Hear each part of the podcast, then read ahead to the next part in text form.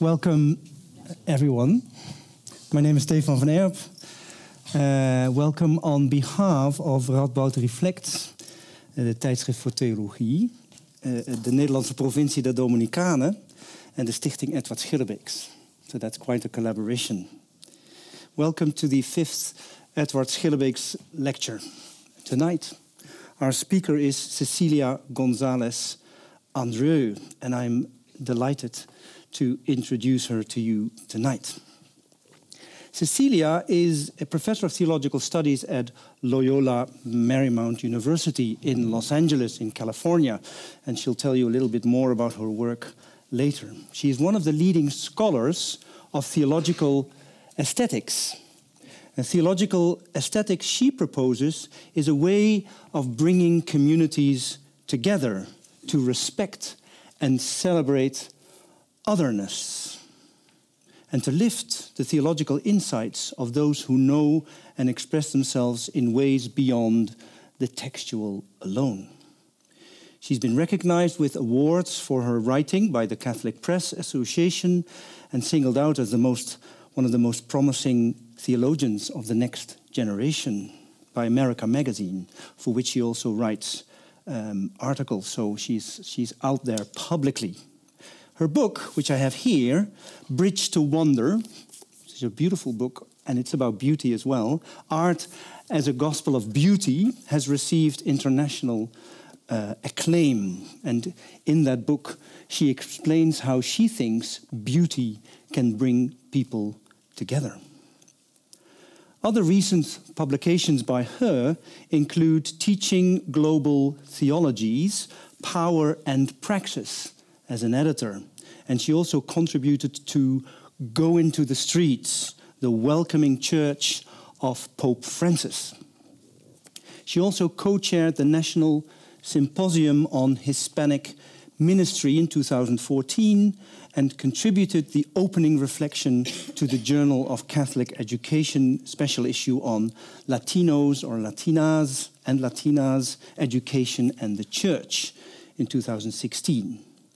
Cecilia is also active in research and advocacy for issues of Latino and Latina theology, immigration, and educational justice. So she's, she's very highly involved in uh, social projects, especially with migrants. And I was privileged to respond to her keynote lecture at the convention of the Catholic Theological Society of America in 2018. And uh, we have very fond memories of that event. And I was deeply impressed by her commitment to the theology of Latino Latina communities and their works of art and beauty. And she showed us beautiful pictures by, uh, made by migrants.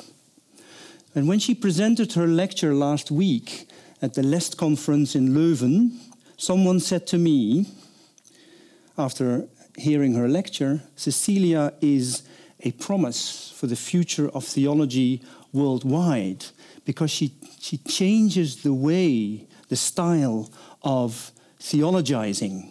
She's engaged with victims, with the poor. She's affected by people's lives in the margin. And she's communicating her commitment through theological reflections and imaginations. And I'm sure you'll see something of that uh, tonight.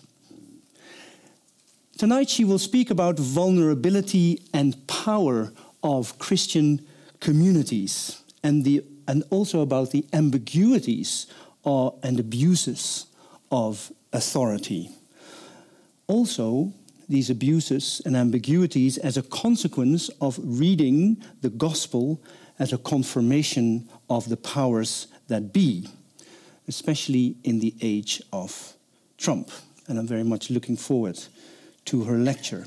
Now, Cecilia, it is a good tradition at this Edward Schillebeeckx lecture that we read a quote by the master himself so that the spirit of his thought will accompany us when listening to our guest speaker, which is you tonight. And I have found a quote about the power of communities from his book, The Church with a Human Face, in Dutch, Pleidooi voor mensen in de kerk, which I thought, not only connects well to your own lecture, but also to recent developments in the church. For example, uh, during the Pan Amazon Synod that has just finished. And here's the quote by Edward Schillebeeckx Christians are recognizing a new structure of credibility. They come to identify with it more and more.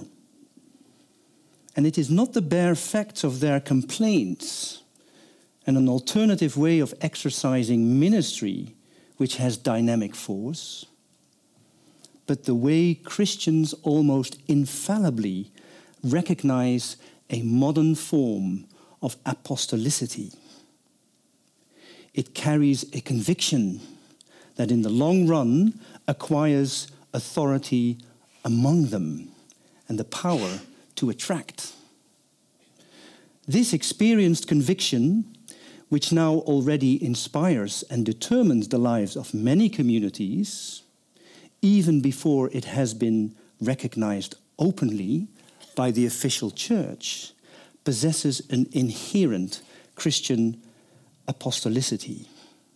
And it is recognized later when it has, in fact, an innate Christian logos, when it provides the possibility for a meaningful Christian life today in the light of the gospel. So, this is people recognize the Christian spirit already even before the church teaches them to do so, to do so and it is recognized by the church sometimes later uh, when it um, breathes that Christian spirit. And I thought that was a wonderful uh, starting point to listen to your lecture about vulnerability and power of Christian communities. The floor is yours.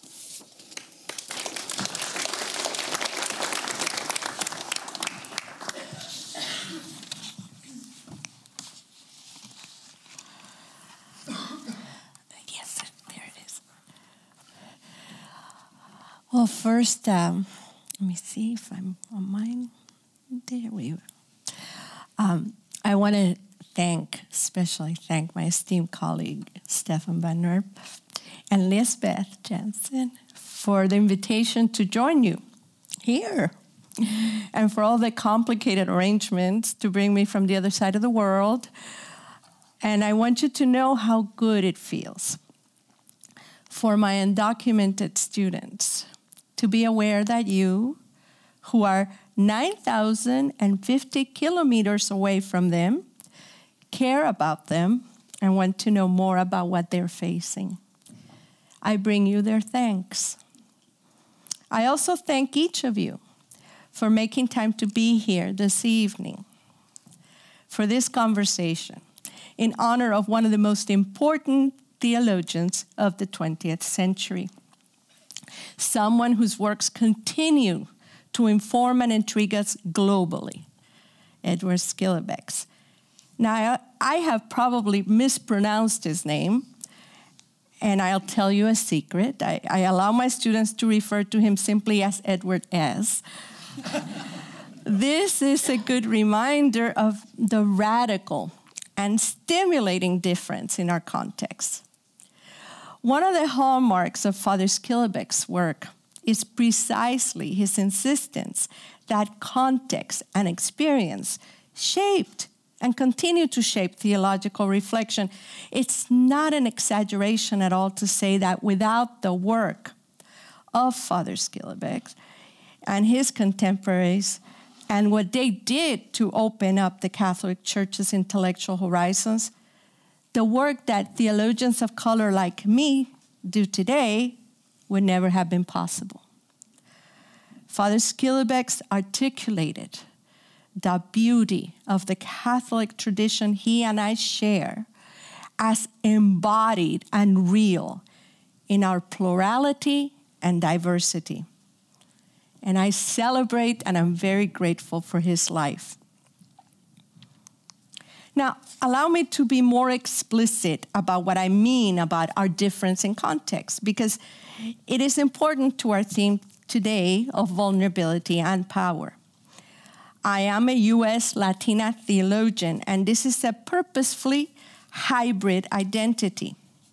In my case, my siblings and I were taken to the United States by, by our mother as refugees as small children. And today we call this the 1.5 generation. Not born in the United States, but living there since the age of 12 or under. This 1.5 generation is an identity that I share with many of my students from all over the world. Back those many decades ago, political circumstances were such that my family came through a refugee program and were granted asylum. But because of recent changes in US immigration policies, today our request would be denied and we would be separated from our mother and incarcerated in squalid detention camps. Remembering my own history helps me accompany the estimated 70 million persons who today are displaced and stateless around the world. While my siblings eventually discarded their Latin American roots and assimilated into what some call the American identity, I took the opposite route.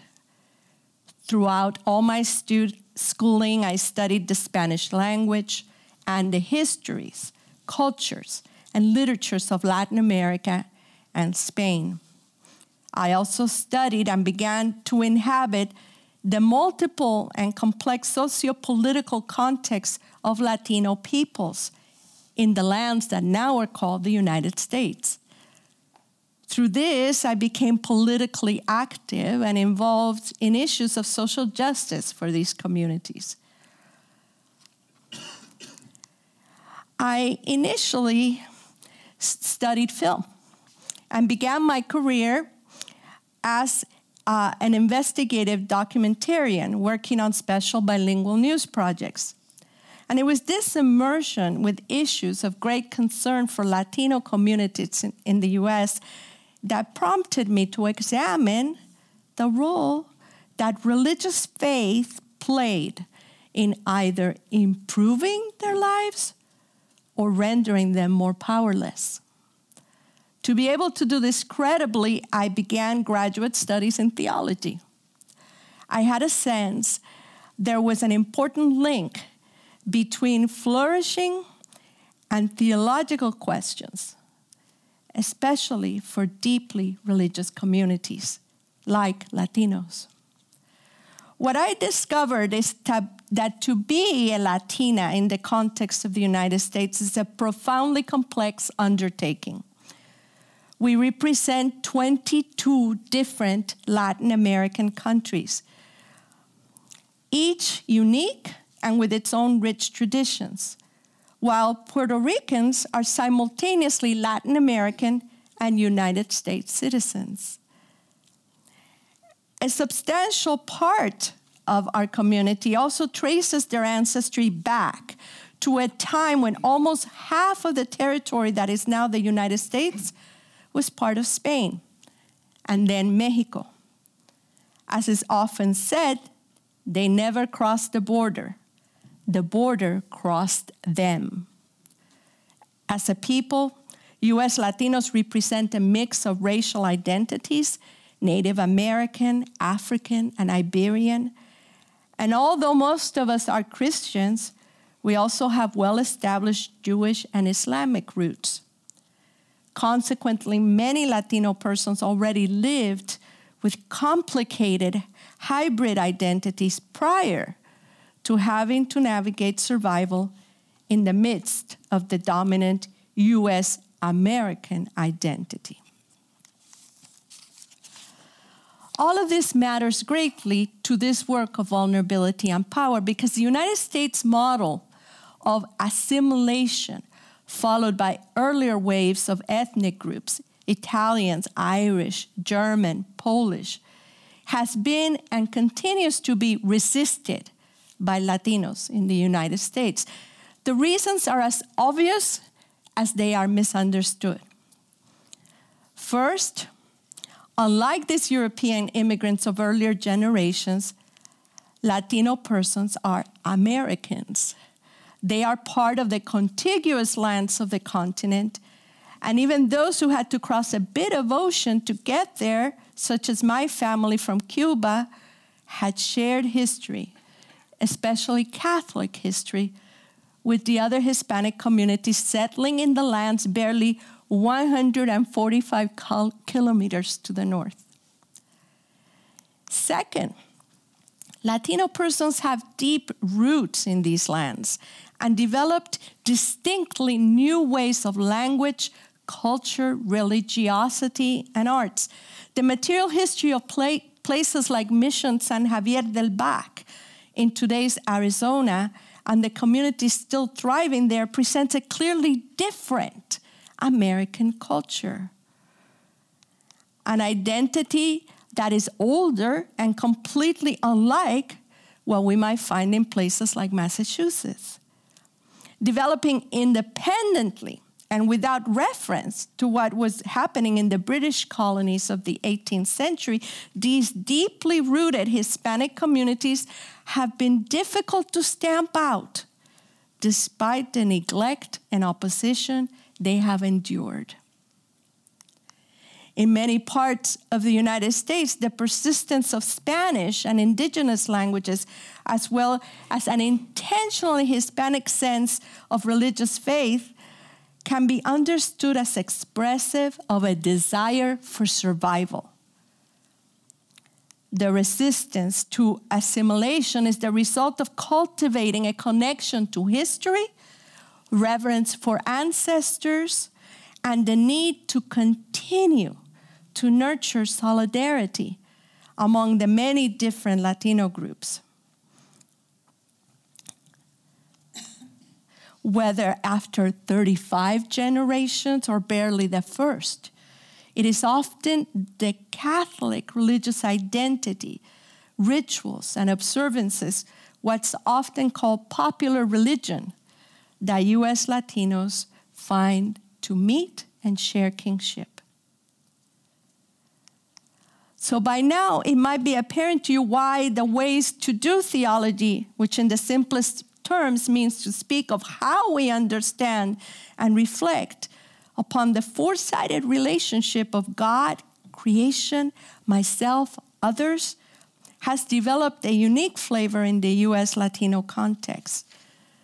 Responsive to the constant threat of cultural and political annihilation of the United States, the concept of liberation as a theological perspective which had developed in Latin America, has taken root and flowered among Latino peoples in the US. The idea of a particularly distinctive US Latino theology is sometimes met with resistance by those who hold that theology is just theology and has a universal character. Just like Father Schillebeeckx did in his work, we question this.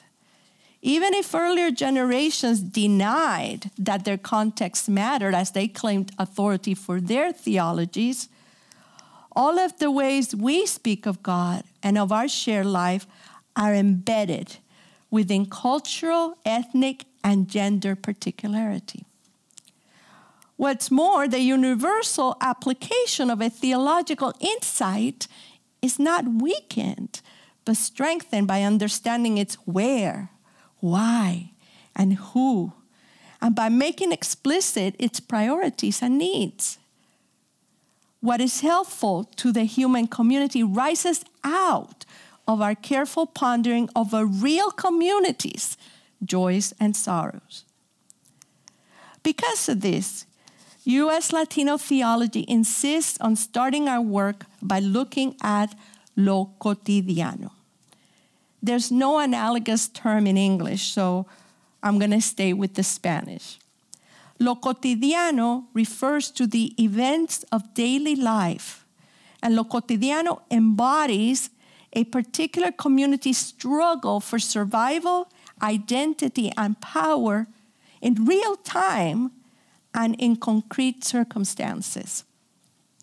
Thus, many Latino theologians begin theological reflection with stories embedded in particular moments, which then reveal God at work in the world. The Latino imagination, especially as evident in the practices of popular religion, see the entire world as sacred and enchanted. And because of this, God's presence and promptings are to be sought in the midst of the world. So, following this practice, let me tell you a very particular story from our cotidiano experience.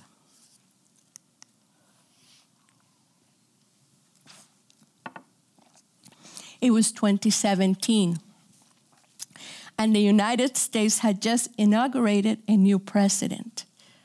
For the majority of the country, there was a stark feeling of grief and powerlessness. On November 9th of 2016, we had awakened to find that 46% of the population had elected this man, while a majority of the nation had tried in vain to elect his opponent. For US Latino communities, this was disastrous. As the new president, Donald J. Trump, had spent his campaign creating profound racial and ethnic animosity and promoting hatred and violence against Latino persons and especially immigrants. White supremacists have been emboldened by Trumpism, and even at my Catholic university, our undocumented students had been targeted.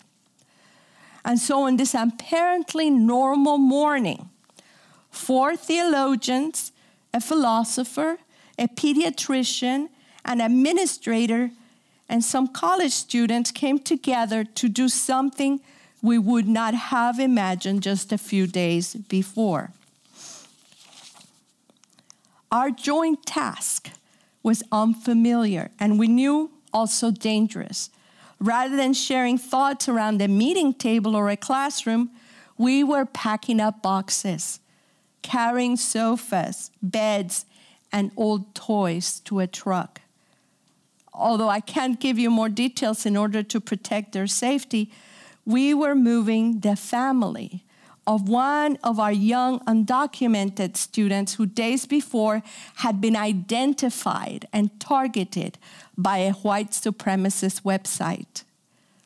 On that sunny day and away from prying eyes, this family's whole life was hastily uprooted and moved to a new location where we hoped they would not be found. Every person who was there had decided to act, knowing that it could result in arrest due to an obscure U.S. immigration regulation prohibiting aid to the undocumented. Consequently, when we decided to do this, and in every action we have taken since, we have been aware of both our vulnerability and our power in choosing to act directly against the threats of Trumpism. Where and how we got this vision, which has been sustaining us, is what I will share with you now. Because if Christianity has no tools to help the vulnerable, then it has stopped being Christianity. To speak of God today means to take a sober look at our reality from the perspective of the powerless and to judge that reality by the light of the requirements set forth by the Christian tradition. You're likely familiar with the sayings in the New Testament commonly called the Beatitudes. They are a challenging set of discourses that most biblical scholars think date back to Jesus of Nazareth himself. The sayings appear in different forms in the Gospels of Matthew and Luke. In Matthew, the setting for Jesus sharing these teachings is on a mount. And in Luke, who gives a much briefer version, it all happens on a plain. The Beatitudes are a small portion of the teachings of Jesus preserved in the New Testament, but they have become supremely important in the tradition. Why is that? First, the Beatitudes are hard to forget. These teachings are truly peculiar and at first glance appear illogical because in them Jesus claims a special type of blessedness for those people, like the uprooted, undocumented family in my story and the millions like them, that most societies would call the most wretched and suffering. Second, this very reversal of the world's expectations in the Beatitudes have, has been interpreted as one of the clearest outlines we have of God's vision for the fullness of creation. What Scripture calls the reign of God or the kingdom of heaven. By embodying what humans would likely never think about themselves, the Beatitudes remind us of the limits of our own understandings and the vastness of the wisdom of God. So, what is in the Beatitudes that informed us that day about what our actions must be in connection to the vulnerable? How are these sayings about power? In the Gospel of Matthew, the Beatitudes present a well constructed and coherent vision, but one that has often been, mis- been misunderstood and misused. In many mainstream interpretations, the Beatitudes are not understood in relation to communal vulnerability or to power. So, how dare I, this little Latina theologian, make such a claim against these authoritative commentaries?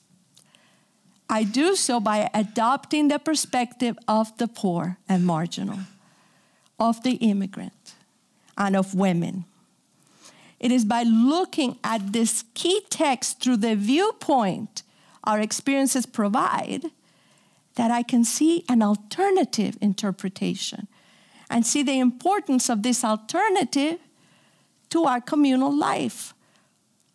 Now, although I will later focus on the third beatitude, it's helpful if we look at the whole. So I invite you as I go through it to notice what seems really illogical. Blessed are the poor in spirit, for theirs is the kingdom of heaven. Blessed are they who mourn, for they will be comforted. Blessed are the meek, for they will inherit the land. Blessed are they who hunger and thirst for righteousness, for they will be satisfied. Blessed are the merciful, for they will be shown mercy. Blessed are the clean of heart, for they will see God. Blessed are the peacemakers, for they will be called children of God. Blessed are they who are persecuted for the sake of righteousness, for theirs is the kingdom of heaven. Blessed are you when they insult you and persecute you and utter every kind of evil against you falsely because of me. Rejoice and be glad, for your reward will be great in heaven. Thus they persecuted the prophets who were before you. If the Beatitudes feel illogical, it is because in our current world, they are. Unless we intentionally change the way our world functions, what they describe will not ever be our reality. The Beatitudes are not about a future promise in some sort of afterlife, but about making happen what we, the many who believe in Jesus' vision of the reign of God, are willing to work hard to make real. Unfortunately, the tendency to oversimplify and spiritualize the Beatitudes goes back to the fourth century. And one of the most influential Christian thinkers, Augustine or Augustine, the Bishop of Hippo in North Africa. Let's look at how Augustine read the third beatitude. Blessed are the meek, for they will inherit the land. According to the famous theologian, the meek are those who succumb to injustice and do not resist, but conquer evil with good. Later, he adds, To the meek, an inheritance is given, to those carrying out their father's will in servant like spirit. And when things go badly, they don't blame God. Rather, they glorify God in their works and blame themselves for their sins. Let me question all that Augustine says here. Because my experience of Lo Cotidiano reveals it is harmful to the communities I care about. What I want to challenge is the idea that, as many male theologians held in the past, the Beatitudes are about a spiritual ascent and about following a demanding guidebook of personal perfection. The standard way to read them is for the first part to be understood as a desired quality or virtue to be cultivated by the ideal Christian. Blessed are the meek is seen as addressing the one listening to Augustine's sermon, who is invited into identifying with developing the virtue of meekness. The second part of the Beatitude is then posited as the reward to be received for achieving this desired virtue, which for Augustine is for the soul to be able to find rest in God, not, quote, quarreling and fighting about temporal things, end quote. This resting in God is the only place from, quote, which the souls cannot be expelled. But what about an alternative reading?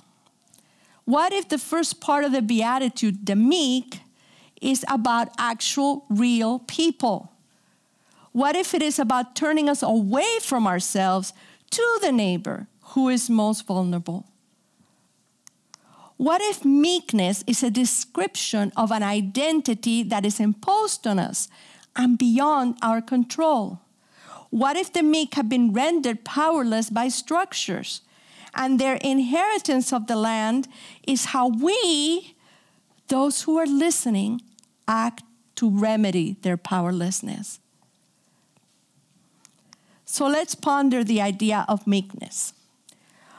What in English is rendered as meek is actually the Greek praise, which is better translated as unassuming.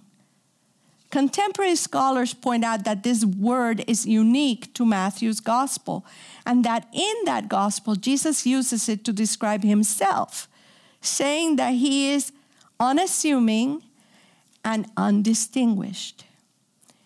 It is then consistent to interpret the meek to be those who are unassuming and undistinguished, perhaps for their lack of social status as Jesus himself is.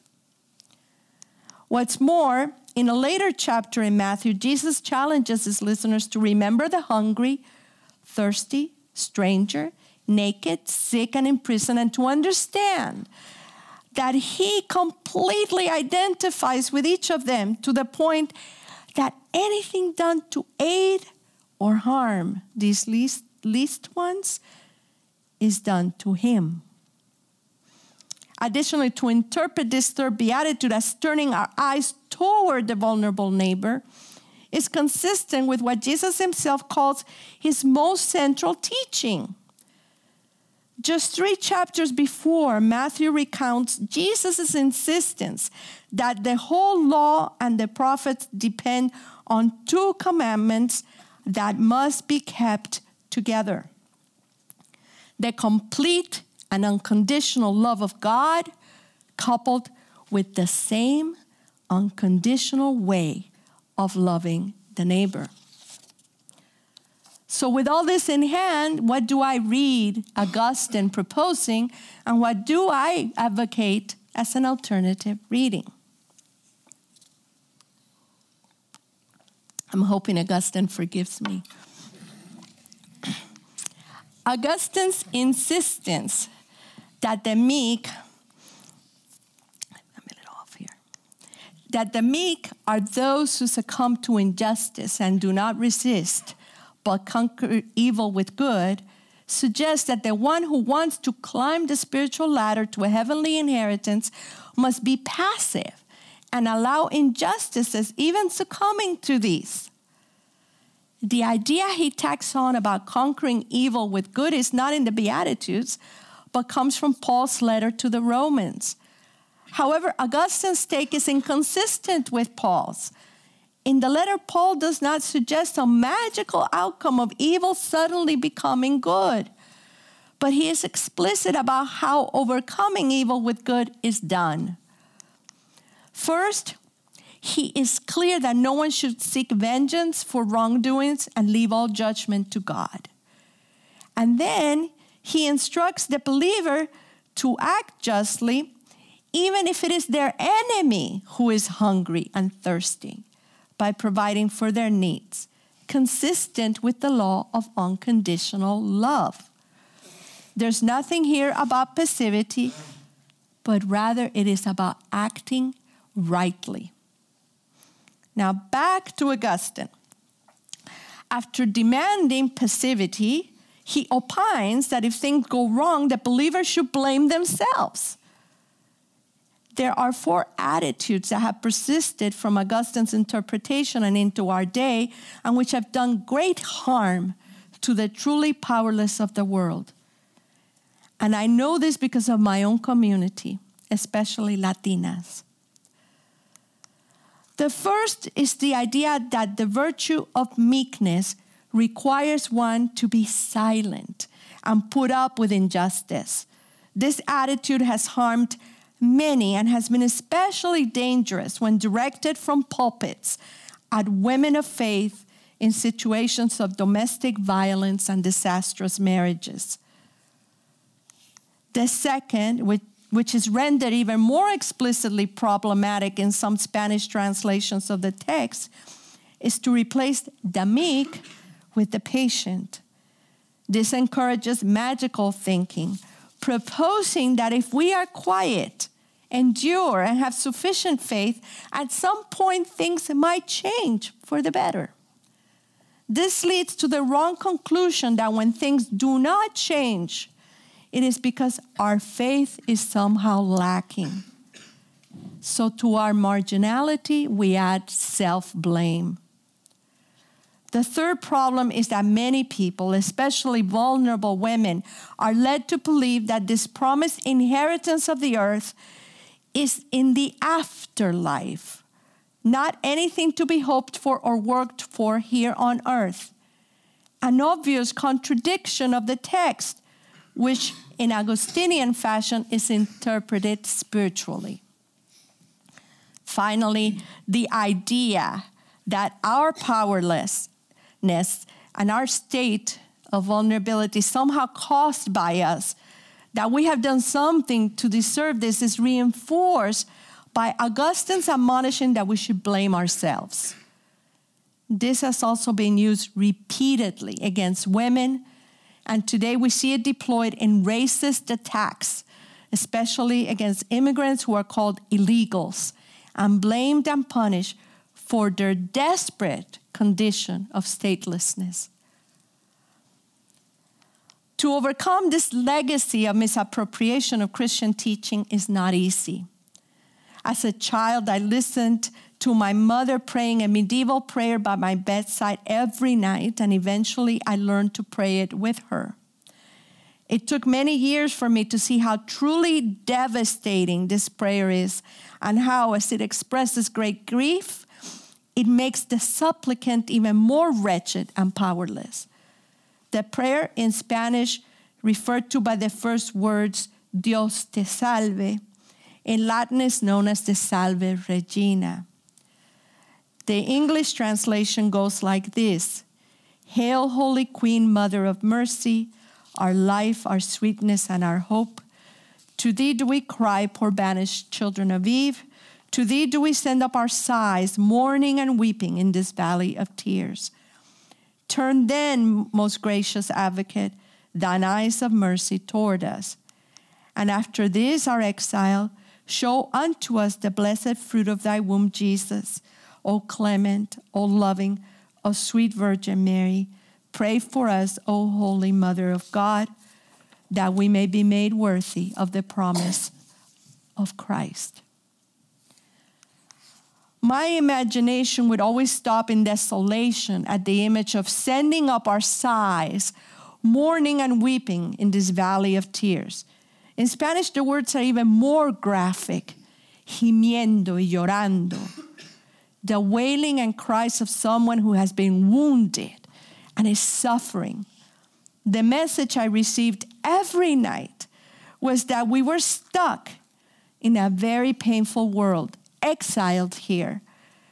And only after death could we hope for some relief by being able to see Christ. To reclaim life affirming interpretations of the Beatitudes, then, especially as it relates to those called the meek, accomplishes two important things. First, it reclaims the practical, liberating, and world altering power of the Christian gospel. And secondly, in doing this, ignites the gospel's explosive insights in the midst of a real world where genuine suffering is occurring. So, what is my reading of the text? Blessed are the meek, for they will inherit the land. That allowed me to invite my friends to risk their safety for this one endangered immigrant family. The meek, the unassuming and undistinguished, are not who we are called to be. Rather, they are who we are called to see. And their blessedness of finally being able to inhabit what is rightly theirs, the land made for all of us equally, depends radically on those of us who would follow Jesus' inspiration because we want that vision of blessedness that he proclaims to become real, to be here. Or as the prayer he taught his friends says, so that God's kingdom, God's original vision of a beautiful creation, will finally be realized. Your kingdom come. To conclude, I want to speak about power because that is what each one of us is called to claim for ourselves in order to change the oppressive circumstances that victimize the vulnerable, and in this way join them in reclaiming their own power. In looking at the Christian story as a story of lo cotidiano, the actual real life, we can see power from the perspective of Pontius Pilate, the Roman procurator, and the empire he saved and he served. Rome had the power to impose its will on the vulnerable others. The power of the empire is the power to oppress, to decide who lives and who dies, who starves and who eats, who stays and who is deported. Power can also be seen from the vantage point of those who were part of the official temple priesthood in Jerusalem, or today's government functionaries, and those who lead multinational corporations. In this case, power is something we negotiate, which some have and others want and seek. This is the power of corruption. In the case of Jesus, coveting this kind of power made the officials of the temple betray their own people and conspire with the Romans. This kind of power creates alliances based on the duplicity of those who hoard it. Power seen this way as a noun appears as an almost arbitrary eventuality. What were the circumstances of your birth? Within what borders? Subject to what economic systems? What realities of color, race, and gender were you born into? Do these give you any access to power? Or rather render you one more in the vast multitudes of the meek? You are born Roman or Jew, on this side of the border or on that one, male or female. And much about your life is predetermined by these circumstances. In the case of Latino persons in the United States, this kind of power places us on the peripheries where our presence does not count and in a system that works hard to keep us there. But before we get too depressed, I want to invite us to a different definition of power that appears in the Gospels, most especially in the stories of women. This is what I think Jesus wants to activate in each of us, and certainly activates in himself. There is a striking moment in Matthew's gospel when a woman makes herself present in a room full of men and insists on anointing Jesus' feet and drying them with her hair. Or there is the story of that other woman earlier in Matthew's gospel who, following Jesus along the road, sick and shunned, tries to reach him and touch his garments. These women were so representative of the unassuming and undistinguished that their names were not preserved by the primitive church. Two women who were invisible beings, only as useful as sheep to their societies, but in both stories, Jesus sees them, speaks with them, and praises their faith filled courage. This leads me to a second meaning of power, then, not the power of empire, but the power of these women. In Spanish, power is poder, but it has two meanings. The first is just like in English, a noun, and the second is a verb, shown in the actions of these two women. Because whether on the side of the road or in insisting on anointing Jesus, they pudieron, they acted, they pushed through. Being utterly vulnerable, they imagined a world made present by their own courage where they could inherit the earth and be counted. Here, poder becomes the verb of the ones on the margins. In the unforgettable slogan of the leaders of the United Farm Workers Union in the United States, Cesar Chavez and Dolores Huerta, which today serves as one of the main rallying cries for our communities as we protest abuses, sí se puede. Even though these two women, like the farm workers, were persons completely on the margins of society, lacking every kind of power economic, social, and religious, they were able to do what went against what the powerful had dictated.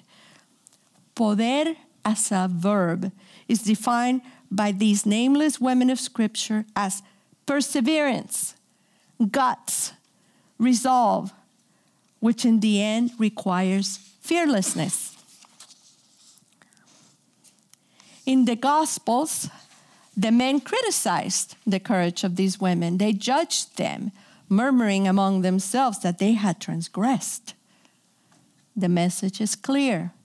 She who has no poder, power as a noun and with the capital P of the powerful, should not have poder, not be able to do, as a verb, and with the lowercase p of the resolve of these women.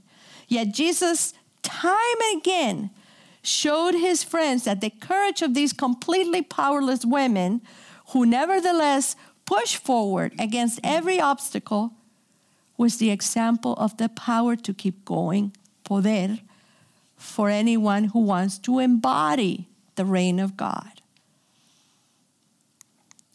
On the cross, Jesus, who had repeatedly communicated and embodied an alternative way of being, renounced completely the power, capital P, of the world, becoming victim and sacrifice.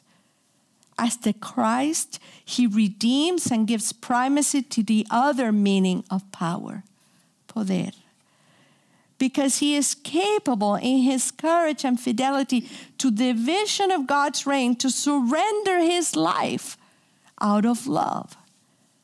And Jesus, si se puede means being faithful to making real the reign of God, where the meek, mourning, and persecuted are finally blessed. His world is not a valley of tears, which we endure until death. No, his world is abundant and brimming with the love of neighbor that transforms reality. The power, poder of the world enslaves and corrupts. The power of the world erects crosses and crucifies the vulnerable. The power of the world builds walls and persecutes the wretched.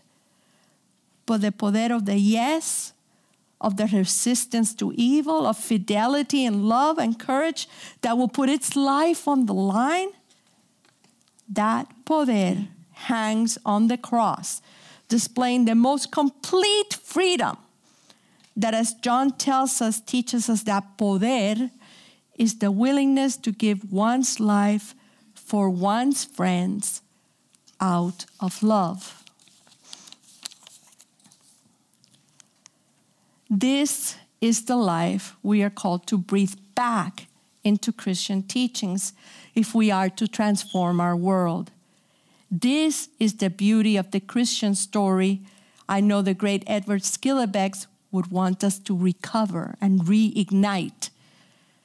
As he told us, citing the first letter to the Corinthians, quote, the kingdom of God does not consist in talk, but in power, because clothed in flesh and blood by Jesus' public ministry, mode of living, and death, is the coming rule of God as salvation, liberation, and redemption for the human community. As for me, this knowing that God is for me and wants me to be for others is all I need to know to get up each day, ready to resist anything that will harm our planetary kingship and to creatively transform it, even if it is only one family at a time. So I thank you for your empathy and generosity with me today.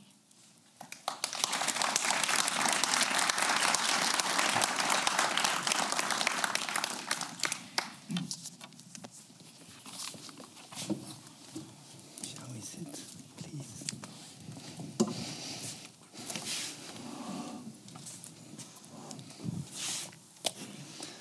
Thank you very much, Cecilia.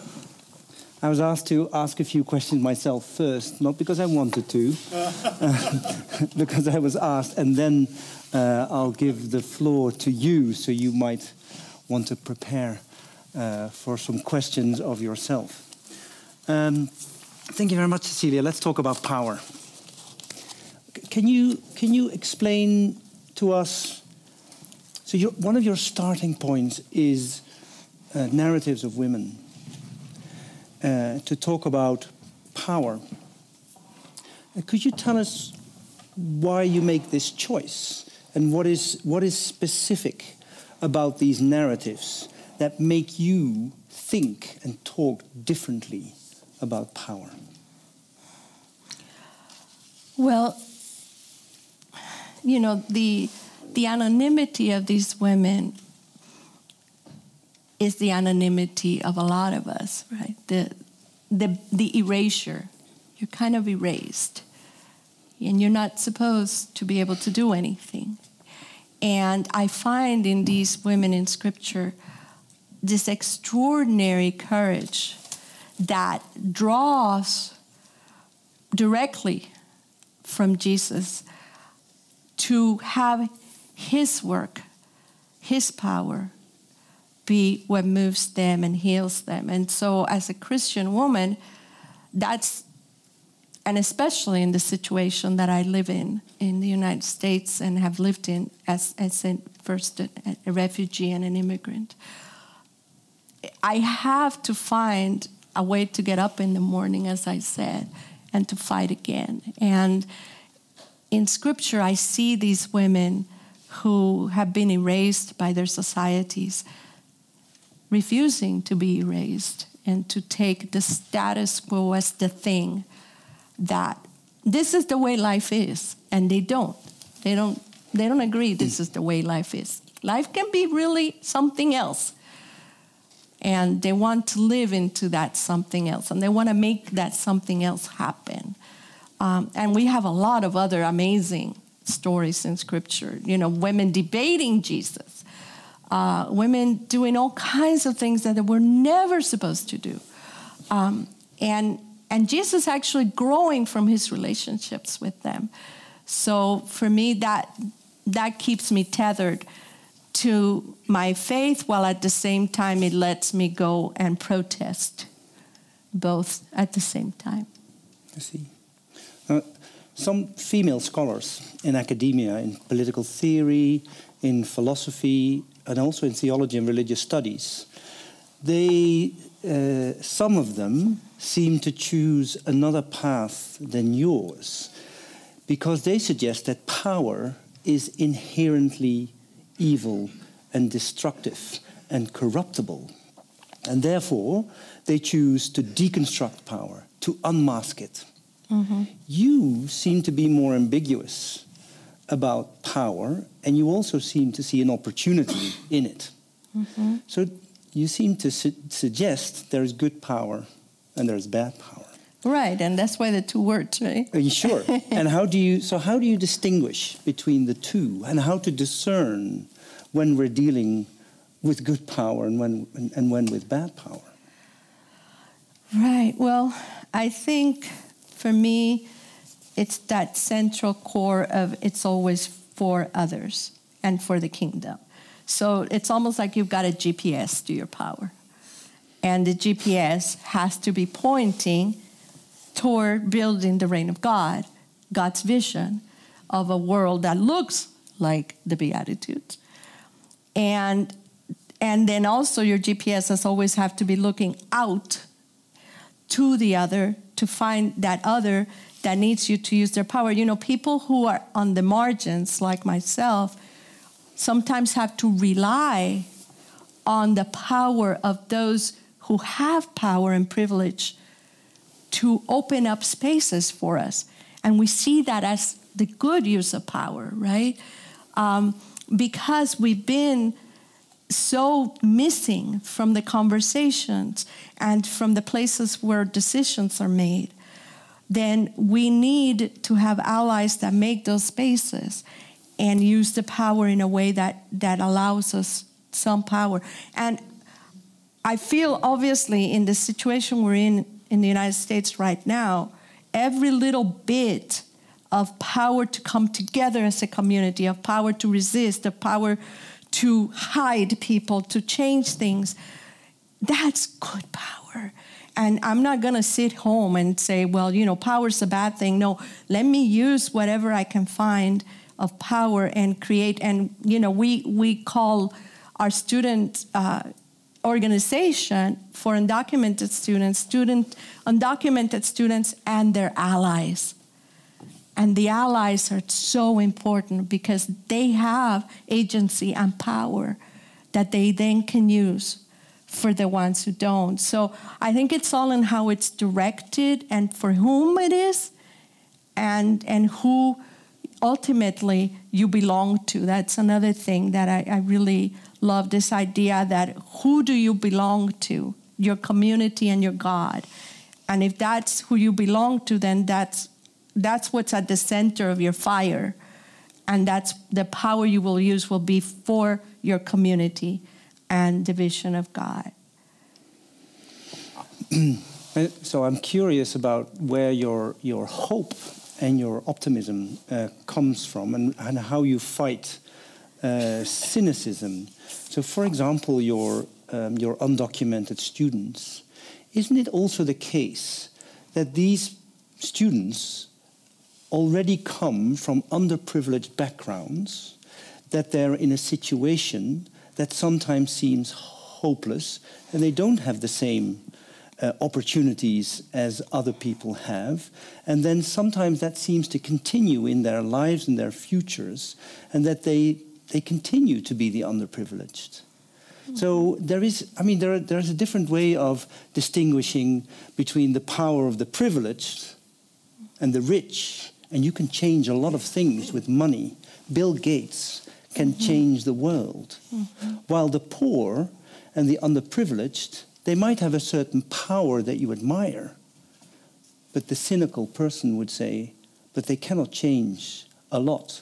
Sometimes they can't even change their own lives. And not necessarily because they're to blame, but because once you're part of a certain, you come from a certain background, you, it kind of somehow continues in your lives, and it's very hard to, uh, to get out of it. Mm-hmm. Well, two two thoughts on that. The first is that I and other um, theologians of color and from the margins always like to say, don't look at me as an example of somebody that made it out, of somebody that actually was able to have enough agency to be able to be here and speak with you look at me as a representative of all of the lives that have been lost, all of the potential, all of the other immigrant children that were and are just like I was in a barrio where I was not supposed to ever have an education or be able to do anything.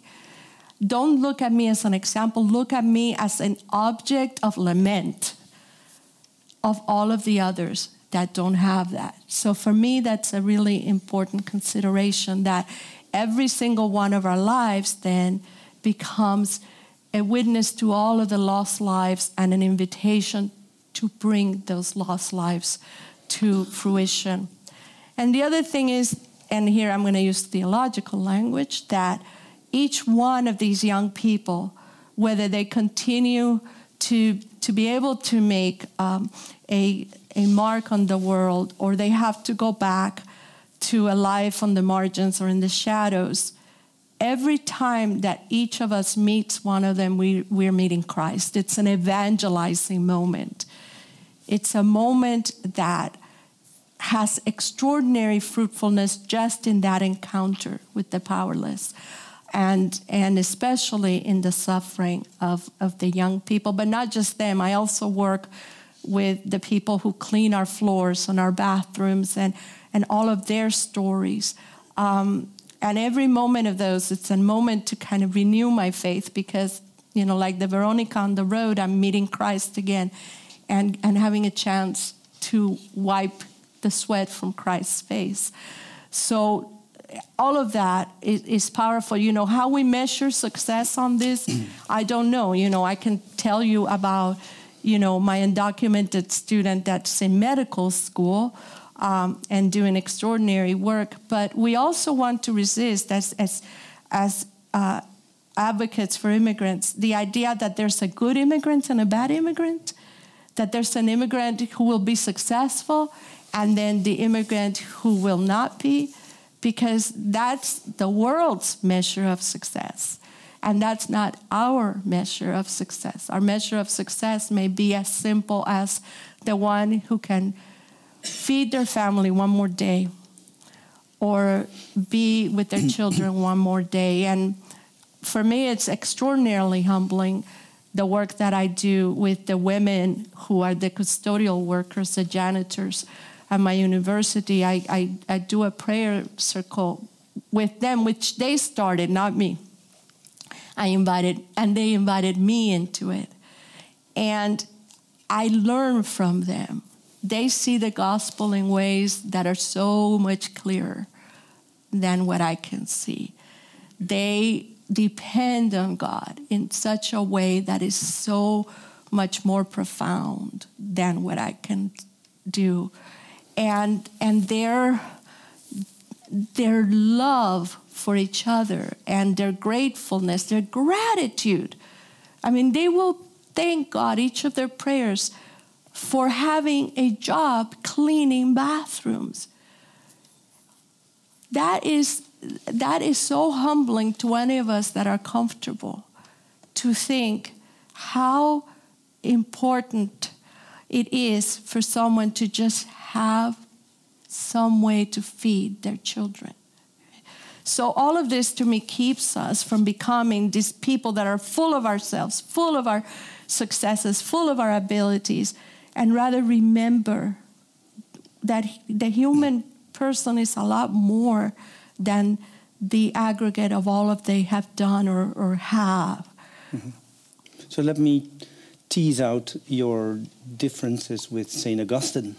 Um, because now in your response, you use words like to be humble, to be dependent on God, and to meet Christ in the sufferers. Aren't you making the exact same move as what he does? And shouldn't we do the opposite? Don't we need a power Christ? And don't we need power women to show us counterexamples? No, because as I said, the meek exist. They're real. They're real. They're, I'm not going to pretend they're not. They are real. But what I, what I, my, my problem with him is that I don't think it's about me. I think it's about me seeing them and realizing they're there. And then saying, how do I make it so that I contribute to their inheritance of the earth? I mean, I, I think that's what all of the Beatitudes are about. See these people, then work on this, do this work, make it real. Not, it can never, I don't think it can ever be about me, right? And so, you know, I, I love Saint Teresa de Jesus, Teresa of Avila's whole idea of bringing together humility and fearlessness by this understanding that it's God working in her. And so, in her fearless work, it's never about her, but it, and it brings her in a greater un, union with God because every time she's able to make some stuff happen, she feels God's power in her right? And so she, and it's, and she's living in a time when women were supposed to be humble and passive and and just do what they're told. And she's like no that's not what i'm going to do. I, i'm going to do some other stuff because god needs it done right? So she's my favorite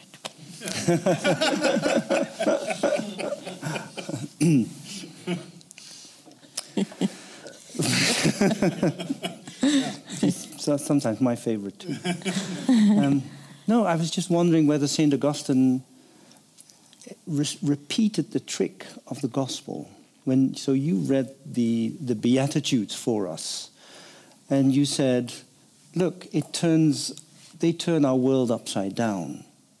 They confuse us. They present us with a different image than we're used to mm-hmm. in the normal world. Mm-hmm.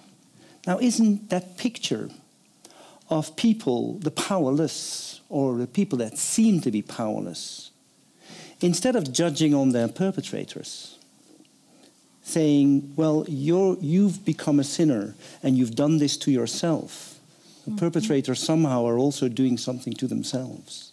Mm-hmm. And I do not judge, but I confess my own sins. Isn't that a mm-hmm. similar way of turning the world upside down? So, isn't Augustine more in line with the gospel than you are. well, I would never claim to be more in line with the gospel than Augustine, but I do think he has blinders on as, as, as you know, a man who has power. and and the whole idea that you're going to be passive and succumb and blame yourself and that the entire idea of meekness, it's really easy to preach meekness and humility when you have power. But when you don't, right? when you're a woman, a woman of color, a woman who cleans floors, right? You, you're already meek, you don't have a choice.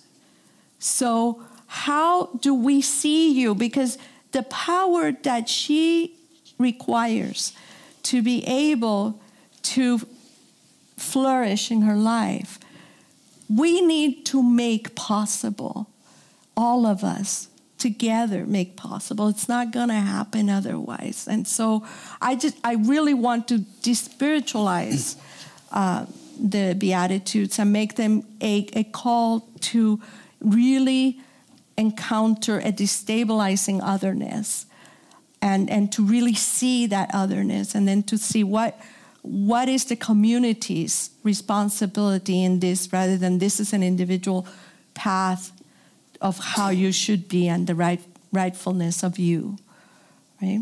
I don't know. That's just me as a crazy latina theologian. My last question and then I'll, I'll ask the people to ask their questions is about the Salve Regina. So I can, uh, I can read it myself, but it's much more powerful if, I, if I'm on a retreat and I'm in a Benedictine community or I'm with Dominicans, their Vesper and Compline, and, they, and here, here are adult men and women um, saying or singing the Salve Regina. And before that, during the day, they've read the Magnificat. Mm -hmm. So this is adult people surrendering to the Holy Virgin and asking her for her mercy. Now, the word surrender is something that you used for your second meaning of power, to be fearless and to surrender somehow to the situation and to get strength from it. Mm-hmm. How is that different for you? How is that, that singing of the Salve Regina and the text and the things that it says, how is that for you different the surrendering of these people singing the Salve Regina and the surrender that you were presenting to us? Well, I think my surrender is always tethered to a real world. And one of the things that I, as I became an adult, after praying this my entire life as a child, I realized this was very dualistic, extraordinarily so. So the earth was not good, it was a place of pain and a place of tears and a place of sorrows. And we were, you know, exiled there. And I actually became an exile as a child, right? I became an exile. And I'm like, exile's like a really hard thing to live through in the real world. Don't add me to it that I have to be an exile also from heaven. And an exile every place and everywhere. I need a home, right? And for me, the earth and, and the beauty of our creation and of our communities have value in and of themselves because they're God's. And so I don't want, I, I really don't like anything that separates our reality from God's or our spirit from our bodies or our earth from the encompassing cosmos. I think the whole thing is one messy, beautiful, extraordinarily complicated tangle. And I like the tangle, and I like the messiness, and I like the complication. And I just want us to all have daily bread in it, and peace in it, and community in it, rather than only some of us get to, right? So that for me, that's the main thing, right? I, I, I, I need to feel like, and I think my students need to feel like this earth is ultimately good. And we just need to have moments and moments and moments of this kingdom of God breaking in, like that moment we moved that family together and we were all sweaty and there was a lot of crying but boy, that was the kingdom of God happening right there. We need more of those. They're not up there somewhere, they're here. And we need those allies and those people willing to help make more of those. Yeah? Thank you very much. Um, that, unfortunately, that's all we have time for. Um, sometimes people say that theologians don't speak out and they're not present in the public uh, sphere, and, and, Cecilia clearly is uh, in all kinds of ways for your students and. Um, and in, in, in the newspapers and etc. and for us today. So we are very grateful. And uh, so thank you very much. Thank you for being here.